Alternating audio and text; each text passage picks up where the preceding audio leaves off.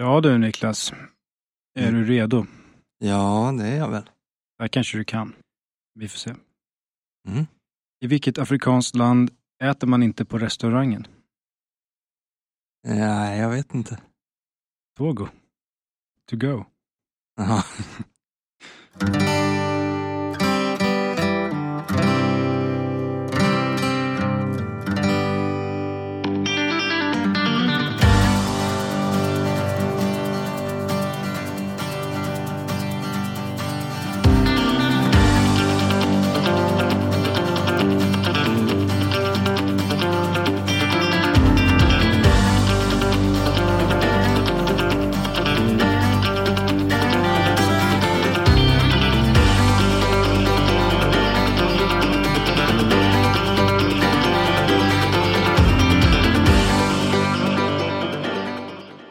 välkomna till detta avsnitt av Geografipodden. Podden som sätter rummet i centrum. Och idag ska vi fortsätta vår regionalgeografiska resa. Ja, det känns som att det var ganska länge sedan vi satt här och spelade in regionalgeografi. Ja, vilket var det senaste? Sydamerika Mm. i höstas va? Ja, om man inte räknar med, med Dalsland förstås. Ja, sant. Det var ju inte så länge sedan. Nej, det var väldigt eh, nyligen. Men nu ska vi ut på internationell mark igen. Det stämmer. Vi ska för första gången till Afrika. Jajamän. Det blir ett av tre avsnitt som vi har planerat det i Afrika. Mm. Och idag så blir det ett avsnitt som jag vet inte vad vi kommer kalla det exakt. Jag har tänkt lite att man kan kalla det för Västafrika. Men det vi ska prata om idag inkluderar två regioner från vår bok som vi utgår ifrån. Exakt. Det är ju då Western Africa, West Africa Mm, och Equatorial Africa. mm, precis. Och den här Equatorial Africa, det är ju ändå typ västra Afrika också, fast längre söderut. Ja, och det sträcker sig ju en bit in i landet Mm. till eh, Sydsudan är väl det. Ja, det är det ju nordöstligaste hörnet. Men det känns ändå rimligt att kalla det här, tycker jag, för Västafrika för att det blir de två regionerna i sig passar hyfsat bra ihop och det börjar på västkusten. Börjar eller slutar, det beror på Mm. åt vilket håll. Ja, det blir som en båge längs kusten. Mm. Det känns ganska rimligt. Och så har man då något som kanske kan kallas för Östafrika, som är resten, fast det in- innehåller Sydafrika. Så vi får se. Ja, Senare problem. precis. det tar vi då. Ska vi eh, säga vad, vad, vilka länder som det här handlar om? Det kanske vi ska göra, ja. Vill du ha den äran att rabbla? Absolut.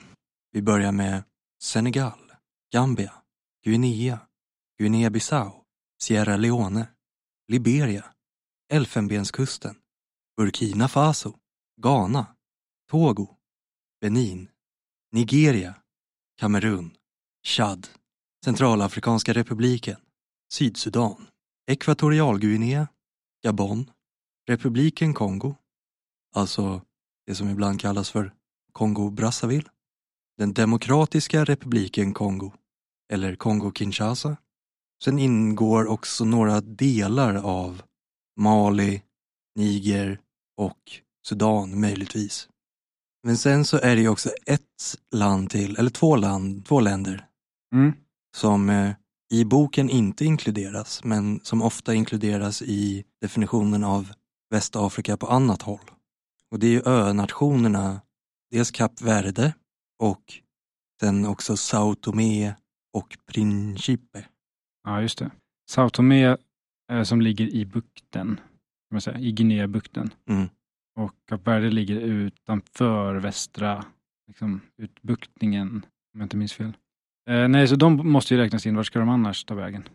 Nej, det är det jag tänkte och jag slog i indexet i den här boken och Kap Verde nämns inte en enda gång. Oj då. Vilket känns lite konstigt i en bok där hela världen omtalas. Liksom.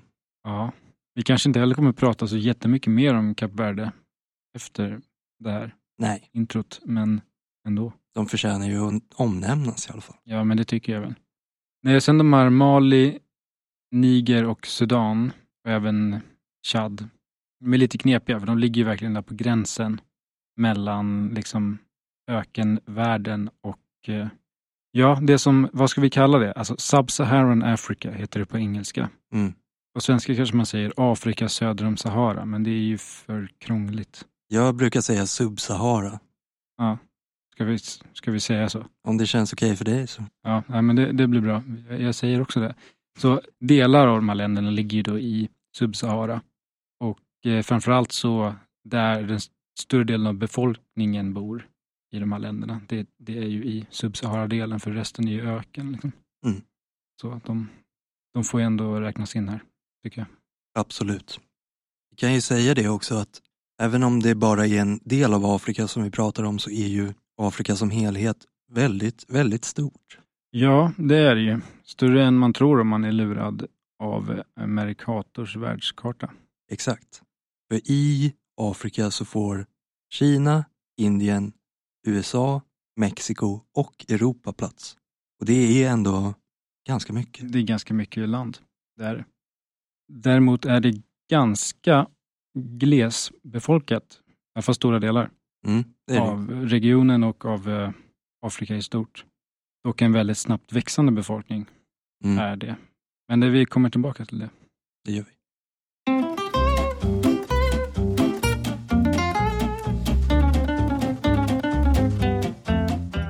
Ska vi gå in lite mer på Västafrikas naturgeografi då? Ja, vi kan ju börja där.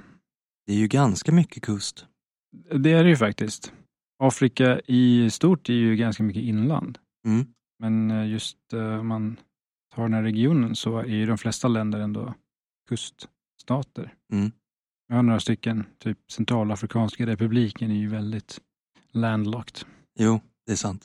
till exempel. Men, eh, men en grej som utmärker kontinenten då är att det är en platåkontinent kan man säga. Det är ganska högt land. Just eh, längs kusterna är det ju förstås lågt. Men sen ganska snabbt inåt land så blir det eh, högland. Det mesta, eller det mesta är liksom riktigt högland med höjder omkring eller över tusen meter över havet så, där, så det är rätt högt. Sen är de lite avstyckade av sänkor Mm. som fortfarande är ganska högt belägna. Över 300 meter över havet. Sådär. Och den största av de här sänkorna kan man väl säga är eh, Kongobäckenet som är det här regnskogsområdet som utgör typ hela den demokratiska republiken Kongo. Mm. Det är förvirrande med de två Kongo, men den stora. Det stora Kongo.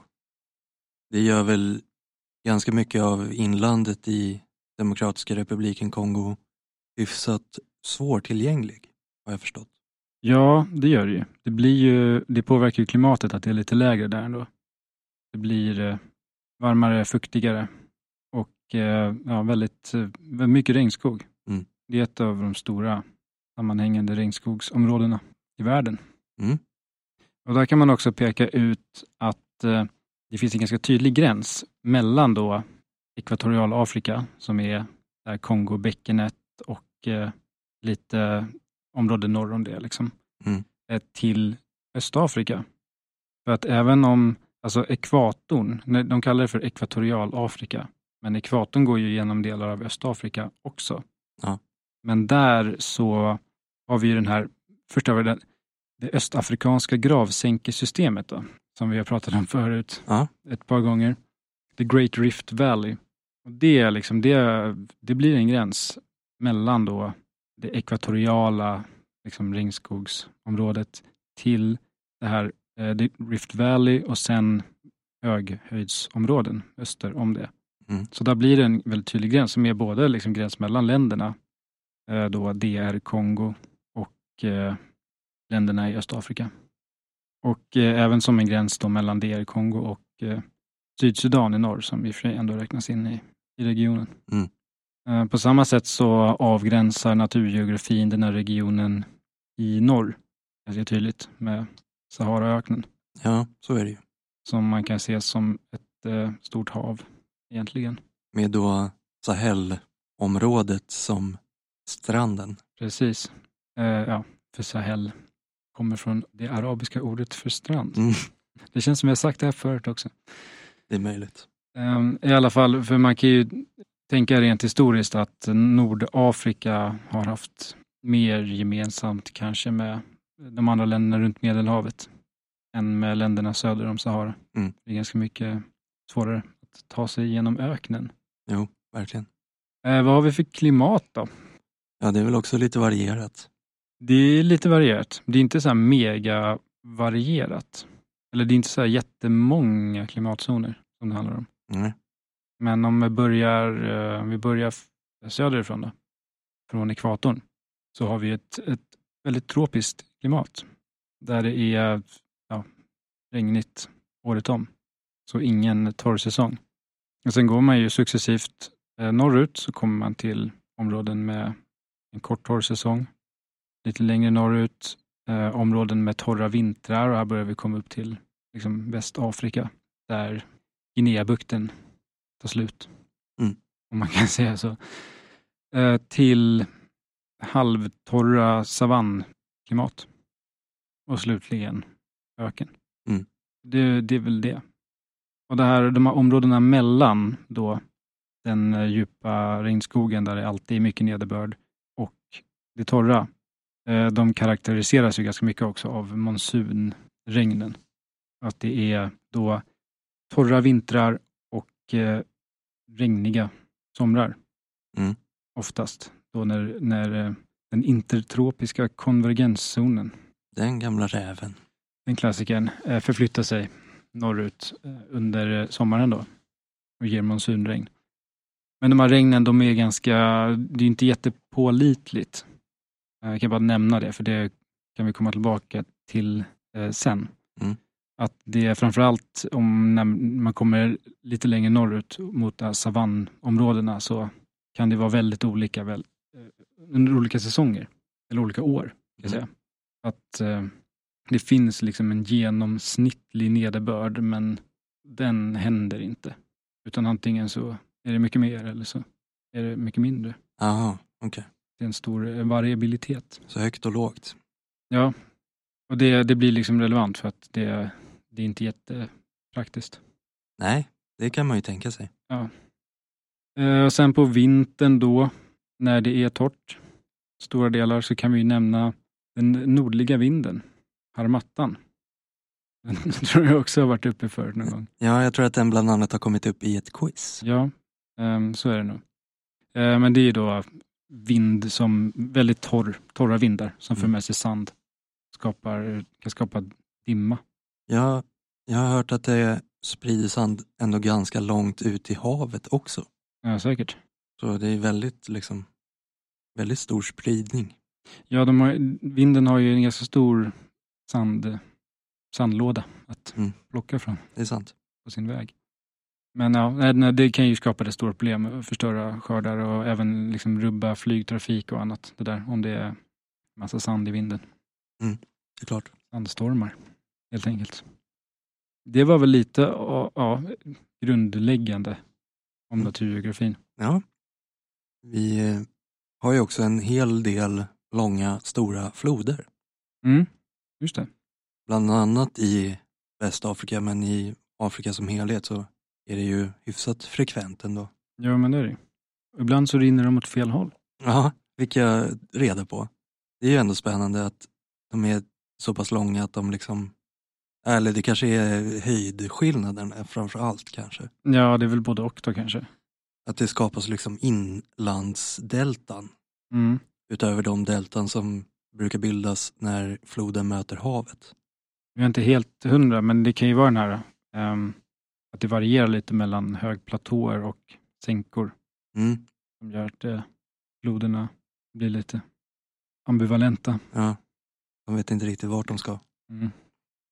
Nigerfloden är ju ett exempel på en sån här som rinner åt fel håll. Mm, just det. Som också då har gett namn åt eh, landet Niger. Mm, Sen har vi också Kongofloden som har gett namn åt landet, båda länderna Kongo. just det, det finns två. Och det, alltså DRC då, är väl det största landet i, det här, i den här regionen va? Mm, ja, ja, absolut. Det är det. Och ändå så har det en kuststräcka på 37 kilometer tror jag. Så knappt tillräckligt för att ta upp hela deltat Mm. från Kongofloden. Ja, precis. Det är, landet är typ Kongofloden och alla dess bifloder. Nej, det är spännande med, man ser på kartan att det är ett gigantiskt land och så är det en liten, liten fläck. Ja, det är lite, det är lite udda eh, med den lilla kustremsan.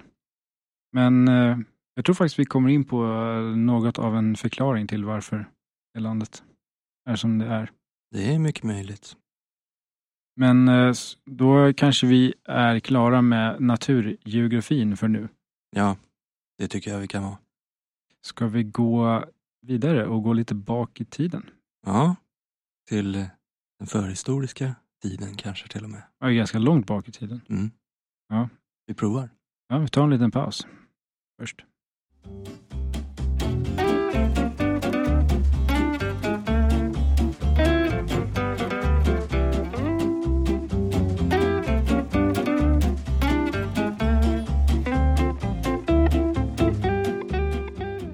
Ja, förhistoria sa du.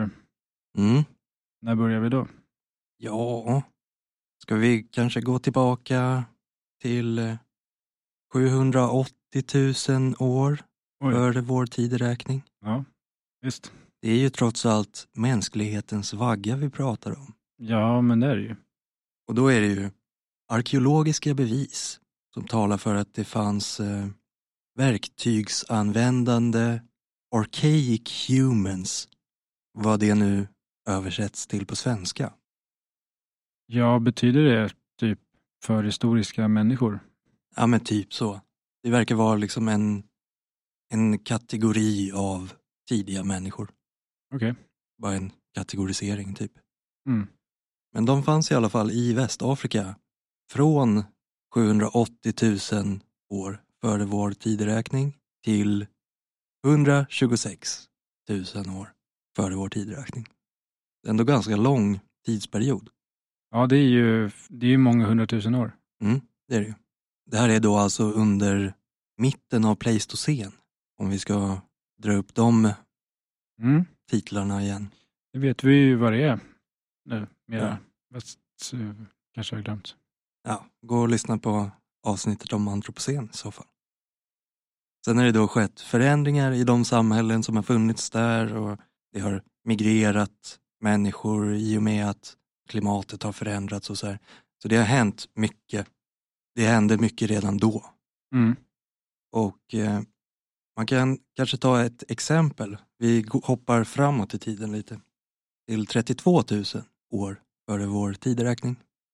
Då var det jägare och samlare egentligen som, som spred ut sig. Och det finns en eh, plats i Kamerun, nuvarande Kamerun, som heter Shumlaka. Och det är det som kallas för ett rock shelter. Så egentligen bara en, som en platå. Det är liksom ett berg som bildar som ett tak. Okej. Och där levde människor och tillverkade keramik Mm. från då ungefär 30 000 år före vår tideräkning till 400 år. Ja, det är också ganska länge. Ja. Och det är liksom i innerväggen av en kaldera. Det har också liksom bytts ut folk och det har kommit nya, men det har liksom under väldigt lång tid alltid funnits människor där. Ja, det var en väldigt bra, ett väldigt bra ställe att bo på. Bra med ett naturligt tak, bara det liksom. Ja, det är ju praktiskt. Så där har man hittat väldigt mycket fynd. Då, alltså. Det är med på Unescos världsarvslista bland annat. Okej. Man kan se bilder, det är lite coolt.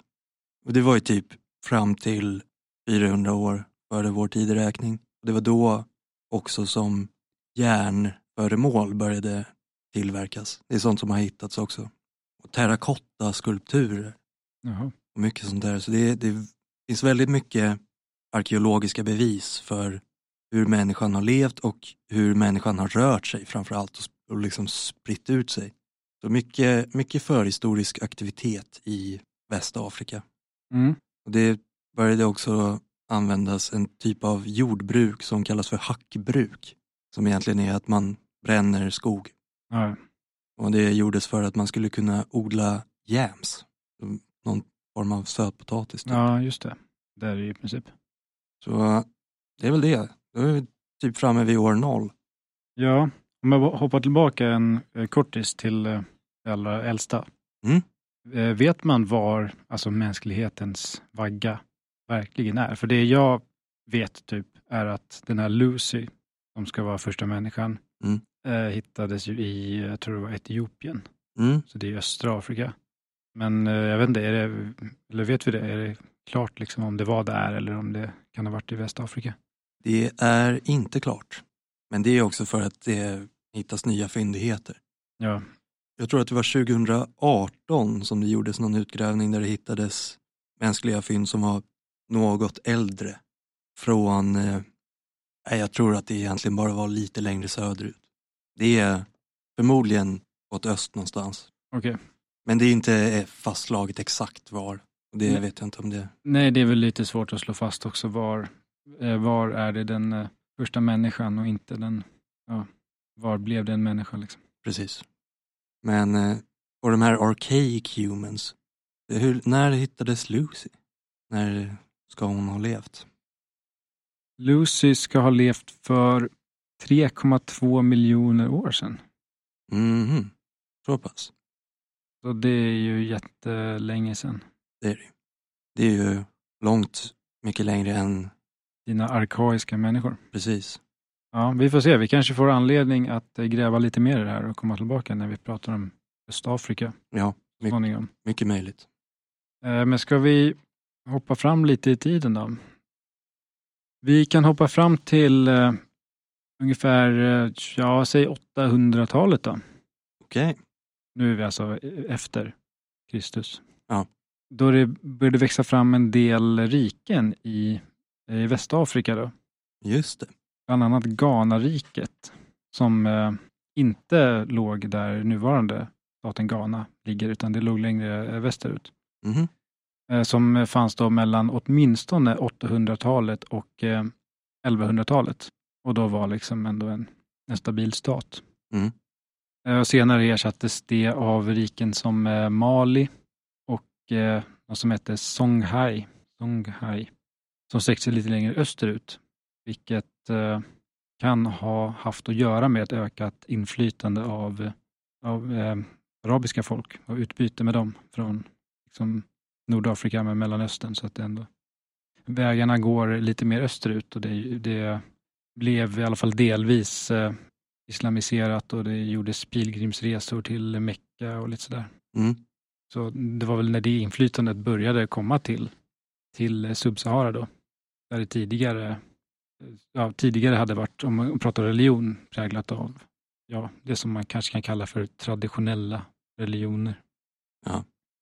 Ja, de här traditionella religionerna både eh, var och är en väldigt varierat i en mosaik.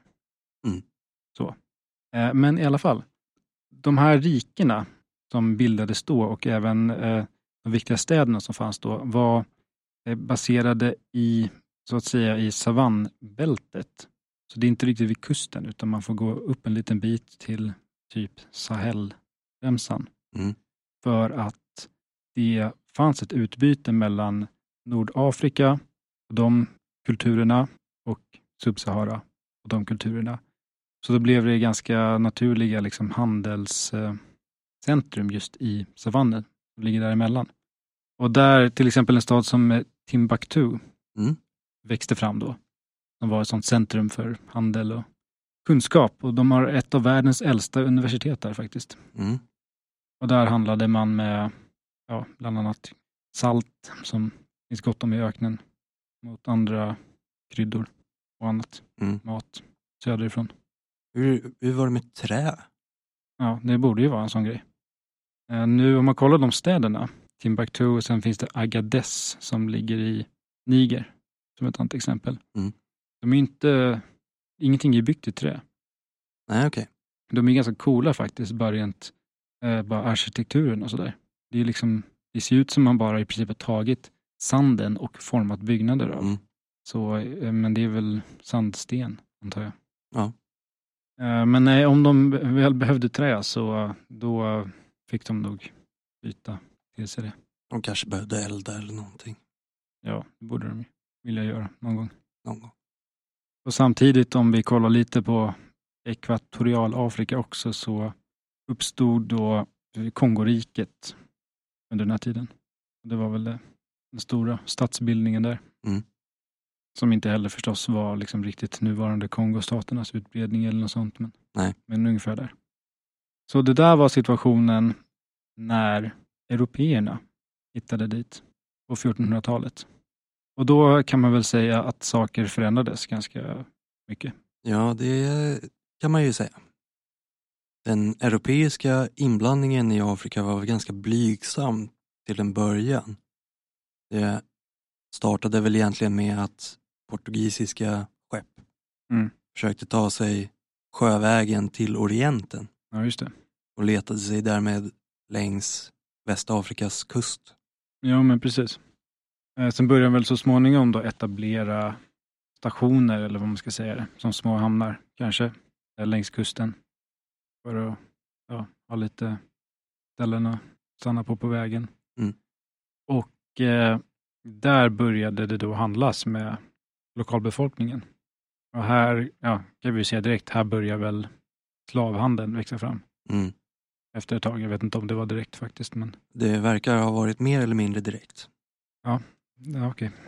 Och sen ska man kanske säga också att det redan innan hade varit en del slavhandel, i och för sig inte på väst, men på östkusten. Just det. Men jag tror även i väst, alltså internt så att säga, att det Ja. hölls slavar, men det har det väl kanske gjort lite överallt. Så, så kan det ju vara.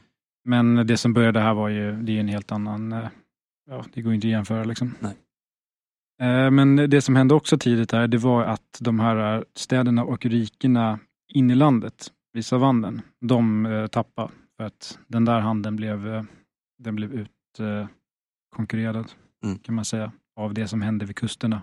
Och eh, det utbytet med de sjöfarande européerna, så att det växte istället fram städer och där, centrum vid kusterna. Ja, det fanns ett exempel som hette Ashanti. Okej. Som var ett väldigt sånt tydligt slavhandelsfinansierat centrum. Som var på, i Västafrikas kust antar Ja. jag. Mm. Ja, det var ju framför allt där, för att det, är ju, det hänger ju mycket ihop med den nya världen, Amerika och sådär. Mm. Och avståndet eh, mellan då Västafrika till framförallt Brasilien, är ju, det är ganska kort ändå. För att vara liksom över ett världshav så är det ganska kort. Mm. Att, eh, den kusten blev centrum för det här. Och som redan sagt då, så slavhandel var ju inte något nytt nödvändigtvis i Västafrika. Men skalan som det hände på går ju inte att jämföra. Det tros väl att ungefär 30 miljoner människor lämnade Västafrika i fångenskap. Ja, nej, det är ju det är helt sjukt. Och sen sam, samma sätt så förhållandena och liksom hela den hanteringen går inte heller att jämföra med det som hade varit innan. Nej. Även om de rika hade slavar i hushållet så var ju det, det var inte, det var inte samma sak. Nej. Men eh, sen tog det ganska lång tid från det att eh, européerna hade kommit dit och börjat slavhandeln till att eh, koloniseringen faktiskt började. Där de la anspråk på land på kontinenten. Mm. Och Det var ju egentligen efter att eh, slaveriet hade förbjudits och sådär. Ja. Det tog ungefär 400 år från det att européerna hade nått dit till, tills att eh, koloniseringen började. Eh, för fram tills dess så hade den här handeln skett genom eh, mellanhänder i, eh, bland lokalbefolkningen då, som ändå hade lyckats hålla européerna borta från inlandet och från att lägga beslag på i alla fall större landområden än de här stationerna som var vid kusten. Ja. Men 1884 så hölls en konferens i Berlin med ett gäng av de här makterna. Då. Storbritannien, Frankrike, Portugal, Belgien, Tyskland. USA var med tror jag, fast de hade inga egna anspråk sådär. Eh, Men där de ja, gjorde upp om hur de skulle dela upp Afrika mellan sig.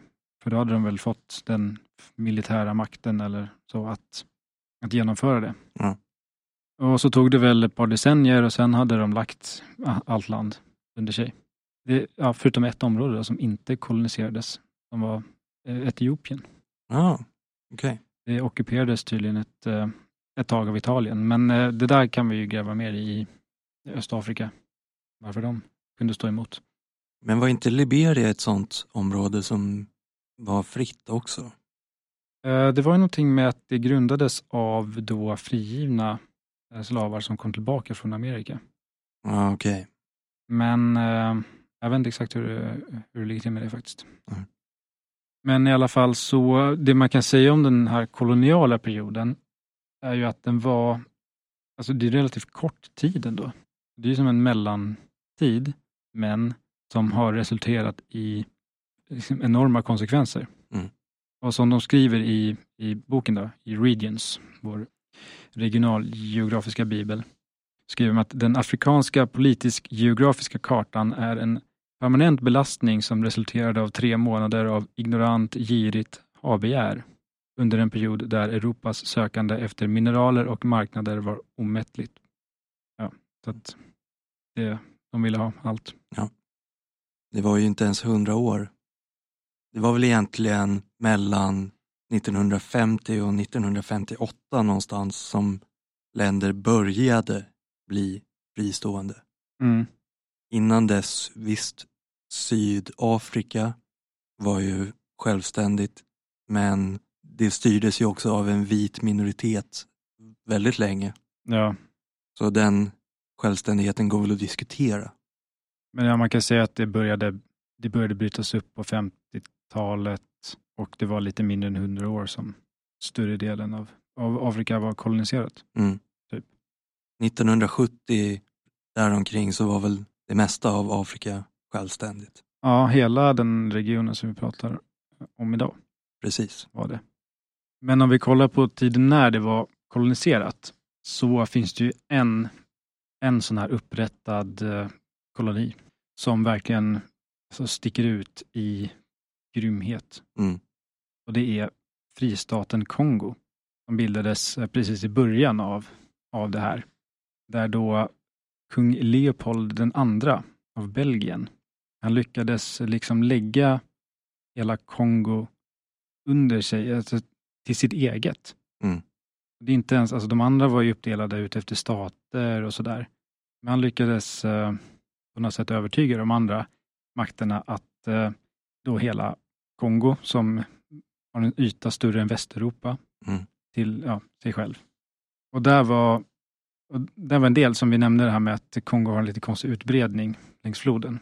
Det bidrog lite grann där, att det fanns en idé att ha det, att ha ett eh, specifikt styre över hela det området, just för att kunna utnyttja de här vattenvägarna som floden innebär till transporter utan att det passerar massa gränser och sådär. Ja. Men den här Leopold då, han påstod att han skulle driva en filantropisk koloni. Att området skulle vara öppet för frihandel och alla bolag ska vara välkomna och det ska vara då alltså välgörenhet och sådär. Mm. Och USA de gillar frihandel så de gick med på det. Frankrike, Tyskland och Storbritannien eh, verkar som att de gick med på det för att de tyckte det var i alla fall bättre än att eh, någon av de andra av de makterna skulle få det här området. Ja, ja. Så han fick det. Och det här är, det är det som bland annat eh, beskrivs i, i Mörkrets hjärta, klassiska romanen av Joseph Conrad. Mm. Och eh, ja, det, det här blev ju nog en hetsjakt på, hetsjakt på ekonomisk vinst för att det gick eh, eh, så småningom lite dåligt för, för Leopold eh, ekonomiskt. Eh, det började med att de eh, eh, ja, var ute efter elfenben. Mm. som sen eh, gled över till gummi när det blev en industri Mm. Det har jag hört om. eh, som man då utvinner ur träd Mm. som det råkar växa mycket av. Där. Och det här eh, ja, sättet han genomförde det här, han inrättade sin egen armé där och det var liksom enorm eh, brutalitet och det beräknas, det, det finns inga ordentliga folkräkningar, men det beräknas att typ hälften av befolkningen i området eh, blev mördade Ja. under den här tiden. Fram tills det till slut, bland annat en sån som Joseph Conrad, men även andra som hade besökt det, de upptäckte vad, vad som händer där egentligen. Mm. Och det väckte, alltså även i den här tiden, när de här makterna tycker att de kan sitta på en konferens och bara rita upp en kontinent och ta den. Mm. Till och med då väckte det här sån avsky att eh, han blev av med landet. Så ganska kort efter, då, 1908, så övergick styret till den belgiska staten istället. Ja, Okej. De fortsatte att kontrollera det ganska hårt, men, men eh, det allra värsta tog väl slut i alla fall. Ja. Eh, Leopold, eh, han, eh, han sticker ut Mm. på ett eh, inte så bra sätt. Och det belgiska området sticker ut lite på, på kartan också. Det var, ju, det var ju bara det Mm. som var belgiskt. Ja, det gör ju det. Den belgiska staten var väl inte riktigt så inblandad då, Nej. från början. De var ju i och för sig med på konferensen, men, eh, men eh, det verkar vara just den där kungen då som, eh, som ville ha land. Ja, och det finns det ju fortfarande de som vill i Afrika. Det är sant. Det är ju en sån neokolonial grej som vi kanske ska prata mer om i nästa del. Ja, vi eh, är klara kanske med historien här. Så kan vi gå vidare och köra den sista delen Mm. i det här avsnittet. Efter Nästa, Morgongåva nästa, i Quito, nej, nästa, Tortuga. Vilse på världskartan. Okej, denna gång är det min tur att fråga ut. ja. Hur känns det? ja, jag vet inte. Ehm, Det känns väl okej tror jag. Mm. Det, det har gått lite dåligt på sistone, tänker jag. Du menar att jag vann? Ja, och sen eh, tror jag jag inledde med en poäng här. Det blir Mm. inte katastrof, men, men nästan. Ja. Det är stor skillnad på katastrof och en poäng skulle jag säga. Ja, Okej. Det är, det är väl där vi brukar ligga. ja, det är sant. Där är. Men någon gång kommer den. Ja, just det. Fem poäng. Femman ja. ja. Ska det bli idag? Vi får väl se. Mm. Är du redo? Ja, nu, nu, nu kör vi. Okej. Fem poäng. Detta land har endast haft fem presidenter sedan självständigheten 1956. Det var också tidigare en del av en stormakt, 500 år före vår tideräkning, och har däremellan erövrats från många olika håll. Trots detta anses landet ha en av de mest enhetliga befolkningarna i denna del av världen. Men ursprungsbefolkningsgrupper kämpar fortfarande för att få sin kultur och språk mer accepterade. Ja. Fem presidenter. Nej, men eh, du får nog ta en till. Det blev inte fem poäng den här gången. Nästa gång. Fyra poäng då. Trots landets storlek uppvisas många olika naturtyper. I nordväst finns skogbevuxna berg som blandas med bördiga dalar där oliver, vete och apelsiner odlas. Här finns också våtmarker som finns med på Unescos världsarvslista. I mellersta delen av landet dominerar stepp och saltsjöar och i södra delarna tar öken över. Landet delar också maritim gräns med en annan världsdel. Ja, den här kräver lite betänketid, menar jag. Okej? För att liksom kunna tänka var, var kan utbredningen vara så? Mm. Att det finns de um, miljö, klimatzonerna. Nej, du får ta en till. Det är lite frustrerande, men, eh, men jag kommer inte på något som stämmer in på det. Okej. Tre poäng. Berber och fenicier är två folkgrupper som kan förknippas med detta land. Som koloniserades av Frankrike 1881. Landet är kontinentens nordligaste och erövraren Hannibal föddes där. Ja, nu eh, tror jag nog att jag måste gissa, men det finns några alternativ.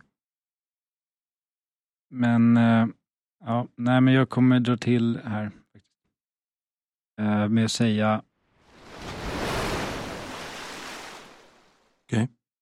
Jag fortsätter. Mm. Två poäng. Jasminrevolutionen 2010 och 2011 utbröt i detta land då diktatorn Sin El Abidin Ben Ali fick lämna tronen efter 23 år. Därefter har landet varit en relativt stabil demokrati och detta banar väg, kanske väg för en ökad turism. Så varför inte undersöka de många romerska lämningarna i detta land? En poäng. En sevärdhet som ödelades av romarna redan 146 år före vår tideräkning är den gamla staden Kartago som ligger nära den nuvarande huvudstaden. Huvudstaden delar i princip namn med landet skit också. Men nu vet jag inte om jag ska säga mer. Det känns som att jag kanske är ute på tunn is. Ja, nej. Vi har Ja. fått en reaktion. Ja, jag har ju fel. Mhm. Vill du säga vad du tänker på nu då? Ja, nu eh, är det väl det här med tunn is. Det kanske är en uppenbar. Li- Lite faktiskt. Landet jag sökte var Tunisien. Och jag svarade Marocko. Just det. Mm. Så det var tyvärr fel. Ja. ja, det här går inte så bra. Nej, det kändes lite fel att det skulle vara eh, det nordligaste. Men alltså jag förstod att det var Nordafrika. Jag tänkte att ingen annan riktigt har så stor variation. Inget annat land har så stor variation i naturtyper. Nej, det var lite, lite förvånande tyckte jag. Mm. Och- Att, Ja, och att den inte har, den har, alla de har ju maritim gräns. Det har de ju. Ja. Men den är ju liksom närmre då i Marocko till Gibraltar och sådär. Ja. Så det var det som ledde mig dit. de delar ju maritim gräns med Europa då. Mm. Italien. Ja, ja, det, ja, det räknas ju ändå. Liksom. Jag vet inte varför jag tänkte, snöa in lite på Marocko just för att det är så, den är så uppenbar där. Mm. Det är ju då också Atlasbergen som ligger i nordväst. Ja, de går in i Tunisien Mm. till och med. De går liksom på gränsen där typ. Okej. Ja, de förknippar man ju mest med Marocko också. Eller jag gör. Vi har varit där i och för sig. Kanske lite därför också. Mhm, okej. Ja, ja, men så kan det gå. Är det något annat vi måste förklara här? Fenicier, berber. Ja, men berber, det är nog det är de länderna tror jag. Mm. Det är ursprungsbefolkningen då som Mm. är ganska liten i Tunisien. Det är väldigt så här, enhetlig liksom, tunisisk befolkning på över 90, 90 någonting. Berber var en ganska låg procent men de, och de jobbar för att få sitt språk bland annat accepterat som skolspråk. Okej. Jo, men jag kommer ihåg när jag var där att det är skyltar och sådär eh, står ju på det språket. Mm. Som jag inte kommer ihåg vad språket heter. Berber, heter det så? Jag tror det. Ja.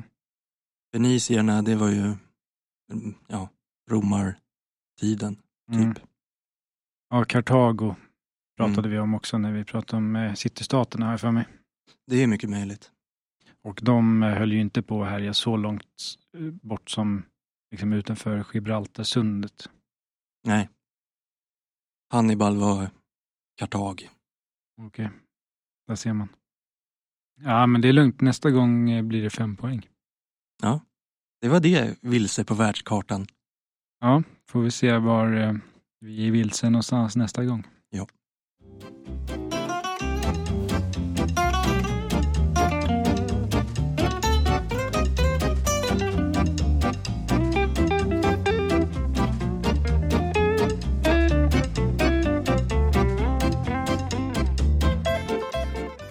Kan ju försöka gå vidare från kolonialismen lite grann, men det är ju en grej som kvarstår hyfsat mycket och det är ju gränsdragningarna i Mm. Afrika. Jo, precis. Och att de kanske inte alltid sammanfaller med hur människor delar upp sig och hur språk breder ut sig på, i länderna och sådär. Nej, de sammanfaller inte speciellt bra alls. Det är ju lite för att gränserna är dragna på ett bord i Europa. Det kanske inte är den liksom ultimata... Det kanske inte är så de hade delat upp sig själva, till exempel. Nej, eh, det är det ju inte. Och eh, de i Europa som drog ut de här gränserna, de var ju kanske inte riktigt ute efter att eh, skapa så bra framtida stater som möjligt. Nej, Riktigt. det känns ju inte så. Nej. Eh, nej, för de är ju, nuvarande staterna är ju ganska frysta i samma utbredningar som kolonierna. Kanske inte helt och hållet. Nej. Riktigt, men ganska mycket så. Så en fransk koloni på ett ställe är ett land. Mm. Bredvid var det brittiskt och det är nu ett land som har fått vara kvar. Det som förut hette Zaire, som var en del av den här fristaten Kongo, Mm, det är ju Demokratiska republiken Kongo. precis. Men eh, det som är grejen med folkgrupper och eh, språk och sådär är ju att det är, det är väldigt komplext. Mm. Och det påminner ju på det sättet om eh, Centralasien lite grann. Ja, just det. En, där vi kallar det för en mosaik. Och det är väl lite det det är här också, eller ännu mer kanske. Mm. Och även där så var det ju en annan makt som drog upp gränserna. Mm. De brukar sammanfalla lite grann känns det som. Mm.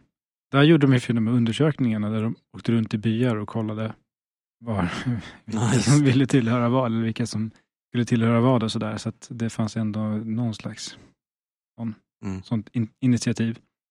Det har, har det väl inte gjort här. Nej. Alls. Eh, men det finns eh, en väldig massa språk Mm. i då Sub-Sahara. Och det är lite svårt att klassificera och kartera alla sådär för att vad, ibland är det oklart vad som är en dialekt och vad som faktiskt är ett språk. Mm. Men eh, jag såg en uppskattning på runt 2000 i då Sub-Sahara som helhet. Eh, men 500 bara i Nigeria. Ja, det är ju en del, bara det. Ja, och med det är de ett av världens eh, språkligt mest diversifierade länder. Mm. Så det är en ganska, ja, det är en ganska komplex situation och som har blivit rörigare av de här då, kolonispråken brett ut sig. Mm. Engelska och franska, kanske portugisiska till en viss del. Ja. Det är väl främst engelska och franska som är aktuella. ja, vi sa ju att vi inte skulle nämna Kap Verde. Men där, Ja, Okej, nu gör vi det ändå. ja, där eh, finns det ju bland annat ett språk som heter Criolo, tror jag. Mm. Som är ett sånt här uh, pidgin kreolspråk. En blandning mellan portugisiska och afrikanska språk. Mm. Precis, pidginspråk och kreolspråk. Ska vi förklara vad det Ah, innebär? ja, det kanske vi ska göra. Vill du göra det? Ja, ja men det jag har sett är att det, det, är väl, det är väl lite samma sak, men pidginspråk är tillfälliga blandningar Ja, okej. som uppstår när då helt skilda språk kolliderar. Mm. Så man börjar föra in ord från det ena till det andra och sådär. Och kreolspråk är när det har blivit etablerat och det liksom föds eh, människor då som har det som modersmål. Mm. Då blir det ett kreolspråk. Så sånt finns ju. Bara för att försvåra ännu mer. Ja, men precis. Och eh, så det finns samtidigt som själva de då engelska och franska som sig Mm. används. Och de används ofta som då eh, officiella språk. Typ i Nigeria där engelska är eh, det officiella språket. Eh, vilket har kritiserats för att det är liksom kolonialmaktens språk och det Ja. Kanske inte känns så bra egentligen. Men inget av de här lokala språken har tillräckligt allmän utbredning. Eh, Det finns eh, Hausa som är liksom ett av de allra största, bland annat i- Nigeria. Då. Mm. Men inte ens det är liksom utbrett i hela landet. Så det skulle inte heller funka. Då finns det minoritetsgrupper som inte kan det officiella språket. Typ. Mm. Eh, Så det blir ju ganska svår situation just, ja, just eftersom man har ritat en stat eh, med massa olika folk som inte kan kommunicera med varandra knappt. Mm. Eh, Just Nigeria är lite intressant för det har det följer ett mönster, eller det tydligaste exemplet på ett mönster kan man säga. Där det finns, alltså i Västafrika då, där det finns en, liksom en remsa av befolkningskluster längs kusten. Och sen en, ett kluster som är inåt land i det här då savannbältet som var där de här gamla rikena växte fram. Ja. Och det här är ju väldigt skilda samhällen som Mm. har förts in i landet Nigeria. Då. Eller det gäller väl fler de länderna, för typ alla de är ju lite utsträckta, liksom nord-sydlig Mm. riktning där längs kusten. Eh, så det är ju, det är ju liksom ut, en utmaning att eh, föra upp två så skilda samhällen, bland annat då när det kommer till språken. Ja, för visst är det så att den nuvarande huvudstaden, huvudstaden i Nigeria, den ligger inåt land. Ja, precis, just det.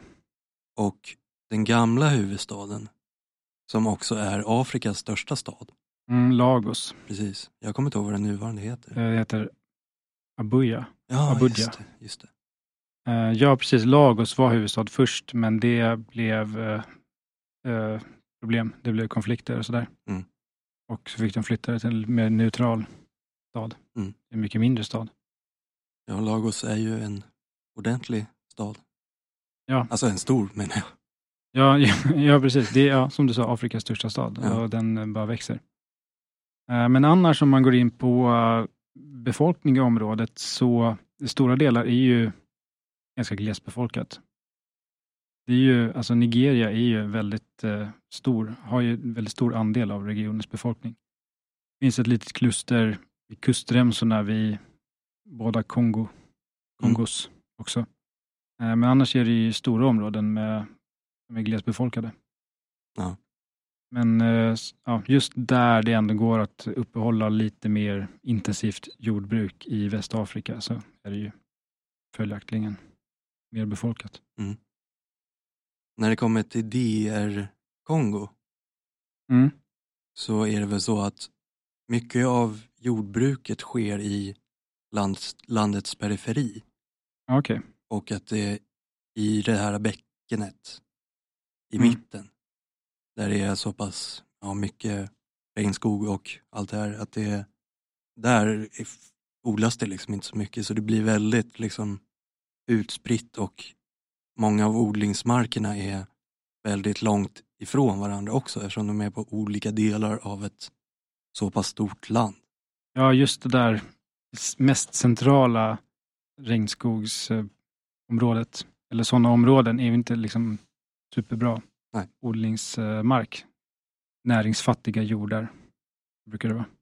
Mm. Urlakade jordar. DR Kongo är ju en, ett av de eh, folkrikaste länderna, trots det för att det är så stort Ja. i regionen.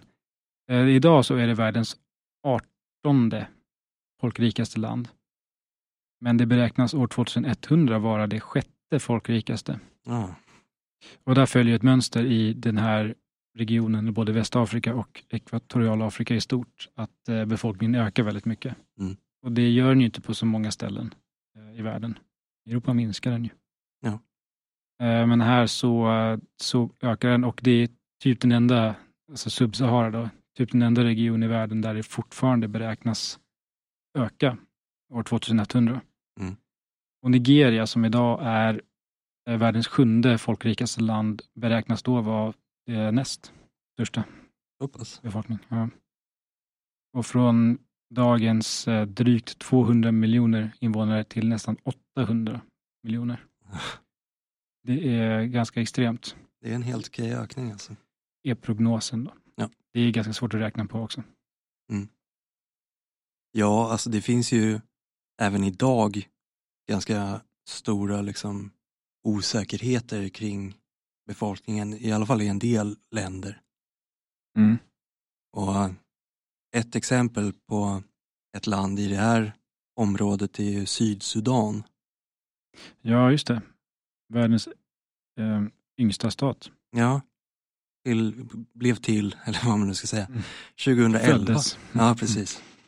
Så, eh, 11 år sedan. Det är ju inte så mycket. Ja, då det alltså delades av från Sudan. Mm, Eller allt hette Sudan först. precis. Och innan 2011 så fanns det egentligen ingen uppskattning överhuvudtaget om befolkningen i Sydsudan, eller då södra delen av Sudan. Och det beräknades 2014 att det var 10 miljoner ungefär. Också en ja, uppskattning. Mm. Men det verkar ju i alla fall ha blivit lite bättre. För 2019 så var uppskattningen då ungefär 12 miljoner 778 250. Ja, det låter ju ganska exakt Ja, ändå. det kanske var 49 eller 52. Ja, det kan det ha varit. Men eh, det känns ju ändå som en okej liksom, beräkning. Det låter eh, trovärdigt. Mm. Men eh, ja, den, eh, om man bara ska ta någonting om det, den situationen, Sudan, Sydsudan. Mm. Så det påminner lite om eh, Nigeria-grejen. Ja. Det finns ett samhälle i norr och ett samhälle i söder som är ganska olika. Mm. Och där sprack det. Det Ja. var ju det var långvariga krig och konflikter som ledde fram till den där uppdelningen. Ja, alltså det verkar ju ha varit lite instabilt redan från 1956. När de då blev, när Sudan blev, Ja, precis. Självständigt. Ja. Eh, Så det var nästan i 50 år som det var, ja, i alla fall till och från, mm. någon typ av krig. men eh, det hölls ju en, en eh, folkomröstning Okej. tidigt i 2011 om de södra Sudan skulle bli självständigt. Mm. Och det var 99 procent som röstade för. Okej. Det, då känns det väl kanske ändå rimligt att följa den folkomröstningen. Ja, den eh, talar väl sitt tydliga språk. Ja, Annars brukar ju sådana folkomröstningar som visar sådana siffror vara en eh, diktator som har bestämt att det ska se ut så. Men Ja. det här fallet eh, vet jag inte. nej, jag kan ju inte tala för validiteten i den här folkomröstningen så, men eftersom det var så pass stora skillnader och så pass stora konflikter så är det väl kanske inte helt orimligt ändå. Det verkar ju ändå ha varit lite liksom instabilt i statsbildningen i, i Västafrika. Delvis i alla fall. Ja, det har det ju. Och det är ju mycket på grund av, av kolonialismen och hur staterna har dragits. Men eh, det har ändå skett en demokratiseringsprocess i, egentligen i hela Afrika. Men eh, den har väl i vissa fall i alla fall gått som bäst i just Västafrika. Eller det är snarare, snarare att demokratiutvecklingen har stannat av i östra Afrika och södra Afrika. Men i väst har det ändå fortsatt Okej. gå åt rätt håll, eller vad man nu ska säga. Mm. Bland annat då så fick ju Afrikas första kvinnliga president, Ellen Sirleaf Johnson, som satt som president i Liberia. Ja, just det. Liberia. Inte varför jag fick engelskt uttal. Liberia. Hon fick eh, ta emot eh, ett pris för förtjänstfullt ledarskap i Afrika. Just då för att den demokratiska processen i Liberia har gått väldigt mycket framåt. Var det hon som fick eh, Nobels fredspris också? Ja, exakt. 2011. Tillsammans med två andra afrikanska ledare. Bland annat då för att de hade gjort mycket för kvinnors rätt. Okej. Men eh, det finns också andra exempel, som i Gambia, där de har hyllats för att de har genomfört en, inom citattecken, demokratisk kupp. Där de har lyckats byta ut en auktoritär regim genom att rösta bort dem. Ja, hur går det till? Jag vet inte riktigt. De fick eh, stöd av en organisation som heter ECOWAS. De röstade om om de ska störta regimen. De röstade ja. Ja, de, de röstade för att eh, liksom ha ett fredligt maktskifte. Det var en omröstning som faktiskt gick igenom. Okej. Eh, även där. Och i, jag tror att det är i Ghana, som det också det är ett av de länderna som lyfts fram som ett lyckat exempel där de institutioner som har funnits har blivit mycket, mycket starkare och banat väg för fortsatt demokratiskt arbete. Mm, jag för mig läst att det, det kan räknas som den äldsta demokratin i området. Mm. Inte hundra på att det är helt, stämmer helt, men bland de som har varit mest stabila i alla fall. Det räknas som en av de mest stabila i området. Mm. En annan sak då, förutom eh, själva bildandet av stater som har påverkats av eh, kolonialtiden, är ju regionens eh, infrastruktur, vägar Mm. till exempel. Där man kan eller se på en karta idag, om man kollar på Västafrika, att de stora vägarna går ju främst från inlandet till kusten. Mm. Vilket alltså är upplagt för att frakta varor ut från kontinenten. Mm. Eh, Och det går inte jättemycket vägar mellan länderna. Nej, precis. Och det är ett resultat av att alltså, kolonialmakterna de höll ju till kusterna och hamnarna. Mm. Och ville, det var inte liksom, skedde inga utbyten mellan eh, kolonierna i inlandet kanske. Nej, det lär det ju inte ha gjort. Och menar, det började väl redan innan möjligtvis också att man såg ju på de här st- större rikena som fanns. Att redan då så rörde det sig ju utåt mot kusten. Mm. För att då var det ju i och för sig handel, men det var ändå, Ja, precis. Det var ju samhällena på kusten och samhällena norr om öknen och sådär som Mm. handlar med varandra. Det är sant.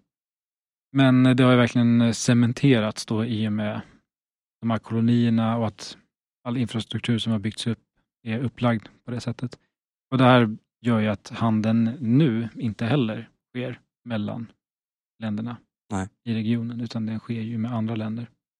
Och eh, om man kollar, det är ju för sig från eh, 2014 då när den här boken Regions kom. Men då var endast 13 procent av all handel i, i Subsahara inom den regionen, eller storregionen. Det kan man jämföra med Europa där det var då 70 procent. Mm. Så den här situationen som fanns om man kollar tillbaka i historien innan européerna kom, där samhällena på, eh, liksom i regionen handlade med varandra. Och det fanns en, eh, en regional komplementaritet. Alltså att man kompletterade med varor, Mm. liksom varandra i, i ett område. Ja. Den eh, har ju lite grann, eh, det har ju försvunnit då kan man säga. Och det handlas med andra världsdelar och länder långt bort mm. istället. och det blir ju inte egentligen ett utbyte av, jo det blir det ju, men det blir på ett annat sätt. För att det är ju råvaror mycket som levereras till andra länder och färdiga produkter som importeras. Mm. Och de här råvarorna är, det är mycket olja. Mm. Vilket vissa länder har fått en hyfsad inkomst av. Ja. Till exempel Ekvatorialguinea som är ett, kanske det rikaste landet. Ja, det rikaste i, i regionen är det definitivt. Ja, I och för sig samlat i händerna hos de styrande makteliten, precis. men ändå. Men ju, det, det finns ju vissa initiativ för att ändå förbättra den här situationen. Bland annat så var det den första januari 2021 som eh, det var startskottet egentligen för det som kallas för African Continental Free Trade Area, Okej. AFC-FTA, som är just ämnat för att öka den kontinentala handeln och så här. Och tanken är ju då att det ska finnas någon form av tullfrihet mellan länderna i Afrika Okej. Och handeln mellan länder och sådär. Och det är ju liksom någonting som ska främja den lokala infrastrukturen för produktion av, av liksom varor. Och inte bara... Inte bara resurs. Nej, Utvinning. Precis, precis. Nej, precis, för det känns ju som att eh, för att liksom lyfta ekonomierna skulle de behöva komma ur det där att bara exportera bort allt från kontinenten, utan Mm. låta det stanna där, handla med varandra och länder lite mer samma situation och utveckla ja, lite mer, fler steg Mm. liksom produktionskedjor och sådär. Ja, exakt. Men då är det ju också infrastrukturen i, i form av vägar och ja, kanske järnväg och sånt där. Det är ju sånt som det måste investeras förmodligen en hel del i. Ja, det kan ju vara dyrare som det är nu att skicka saker mellan grannländer liksom, i Mm. Subsahara jämfört med att typ skeppa samma grej till Kina. Ja, det är sjukt. Så, ja. Och på tal om att ekonomierna är eh, väldigt baserade på resursutvinning och primary activities, Mm. så är det ju eh, jordbruk, småskaligt jordbruk, mycket, som de flesta ägnar sig åt. Ja. Där då sättet som man använder och äger marken har förändrats en del. Mm. Eh, Det, det traditionella eh, i regionen är att land ägs gemensamt på något sätt av samhällen och brukas på det sättet utan att någon äger det privat. Riktigt. Eh, Och att det då brukas med att man roterar betesmarker så att man inte betar varje säsong på samma mark eller brukar samma jord varje år Mm, som kallas för trädare. Eh, Men det där förändrades en del under kolonialperioden. Där, ja, det var väl mycket, eh, marken måste ju ägas ja, privat. ja, Man kan tjäna pengar på den. Och land som är i träda, det användes inte. Det var oanvänt, så det måste eh, ägas och effektiviseras. effektiviseras. Precis. Eh, Och det här är väl något som har delvis kanske återgått till hur det var innan, till det traditionella systemet, men delvis inte. Och så där. Det är förändrat till en viss del. Och just land och eh, matproduktion, eller matsäkerhet, är ju en stor fråga i regionen. Där det är en stor befolkningsökning som dels bara gör det tillgången till land ganska svår för att liksom, mängden land ökar- ju inte. Nej. Och den är som vi har konstaterat ganska begränsad, alltså land som är brukbar. Jo, är ganska begränsad. Det är en ganska smal remsa som är mellan då torra öknen och den här regnskogszonen som inte är speciellt Eh, anpassad för odling. Eh, så det är ju redan, eh, då, om man ska nämna, nämna några saker som påverkar matsäkerheten i området, som även har pekats ut alldeles nu i en rapport som kom från ett antal hjälporganisationer bara här dagarna innan vi spelar in det här. Där de skriver om att det är en pågående kris i Västafrika med just en matkris. Och eh, ja, de lyfter ju fram att det, det beror på flera saker. Men eh, ett av de sakerna som ligger i grunden är ju det här varierande klimatet och klimatzonerna som gör ja, att mängden mark är ganska begränsad och eh, att det är väldigt stor vari variabilitet Mm. mellan åren. Då, att det kommer många torra år när skördarna blir väldigt låga. Utöver det så är ju skördarna låga bara, alltså även bra år, bara som det är. Liksom. För att den här gröna revolutionen som har eh, liksom transformerat jordbruket i större delen av världen, där det har utvecklats nya typer av grödor som är mer resistenta och ger högre skörd och sådär. Och eh, bekämpningsmedel och konstgödsel och så. Det har inte riktigt nått till Sub-Sahara. Nej. Vilket både har att göra med att de grödorna som är vanliga där inte är de som har beforskats mest då.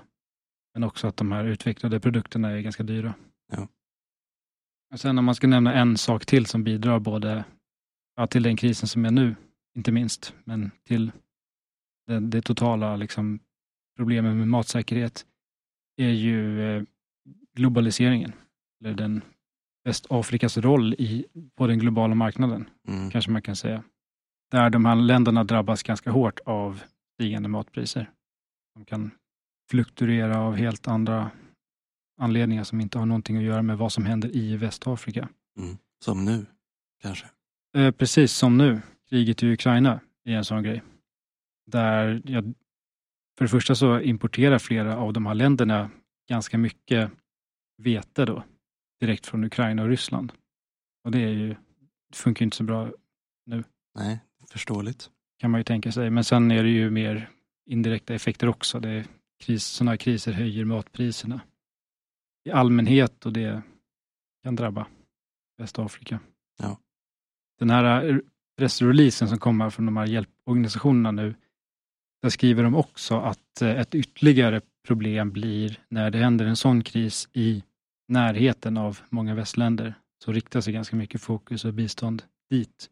Och det kan vara sånt som annars skulle ha kommit till Västafrika. Att även om den krisen drabbar där så försvinner snarare biståndet istället för att ja, den krisen hamnar i fokus. Mm. Men en annan sån där grej som, som möjligtvis också påverkar jordbruket i Västafrika är, som också är kopplat till hur man äger marken och sådär, det är ju det som kallas foreign agribusiness. Mm. Men som vi brukar kalla för land grabs. Ja, det har vi haft uppe förut också i podden. Ja, precis. Och det är ju då när utländska makter köper land, i det här fallet då i Afrika, för att odla till exempel och eh, skicka den maten vidare till de som köpte marken. Ja. Det är ju kanske inte nödvändigtvis en rest från kolonialismen men det blir ju neokolonialistiskt om man ska kalla det så. För att det blir på samma sätt egentligen att det är ett land som i det här fallet då köper mark. Men de odlar och nyttjar resurserna i Afrika och skickar dem därifrån. Mm. Och det här är ju ett, ett problem som, det är ju, jo, ett problem som eh, förekommer i hela Afrika. Det försvaras väl ibland med att, eh, att det innebär att det liksom satsas, investeras i jordbruket. Mm. Saker som i och för sig behövs. Som det här med att den gröna revolutionen har liksom gjort om jordbruket överallt, men inte här. Att det skulle ju behövas. Jo. Men eh, sen då den kritiska sidan säger att det händer inte. Eller det, det sprider sig inte till lokalbefolkningens vinning. Och i de fallen där det är den här traditionellt ägda marken som den, den ägs, men den ägs inte officiellt. Mm. så den kan säljas. Då är det ju någonting som direkt drabbar lokalbefolkningen för att lokalbefolkningen får mindre land att odla och ha boskap på. Mm. Och det är ju redan en bristvara. Ja. Men just det här med foreign agribusiness, Mm. land grabs, det kommer vi nog också in igen på ännu mer när vi pratar om Östafrika. Det tror jag garanterat. Det känns som att det finns fler exempel Absolut. därifrån. Eh, Och med det kanske vi är klara. Ja, det kanske vi borde ha. Tiden har tickat på. Mm.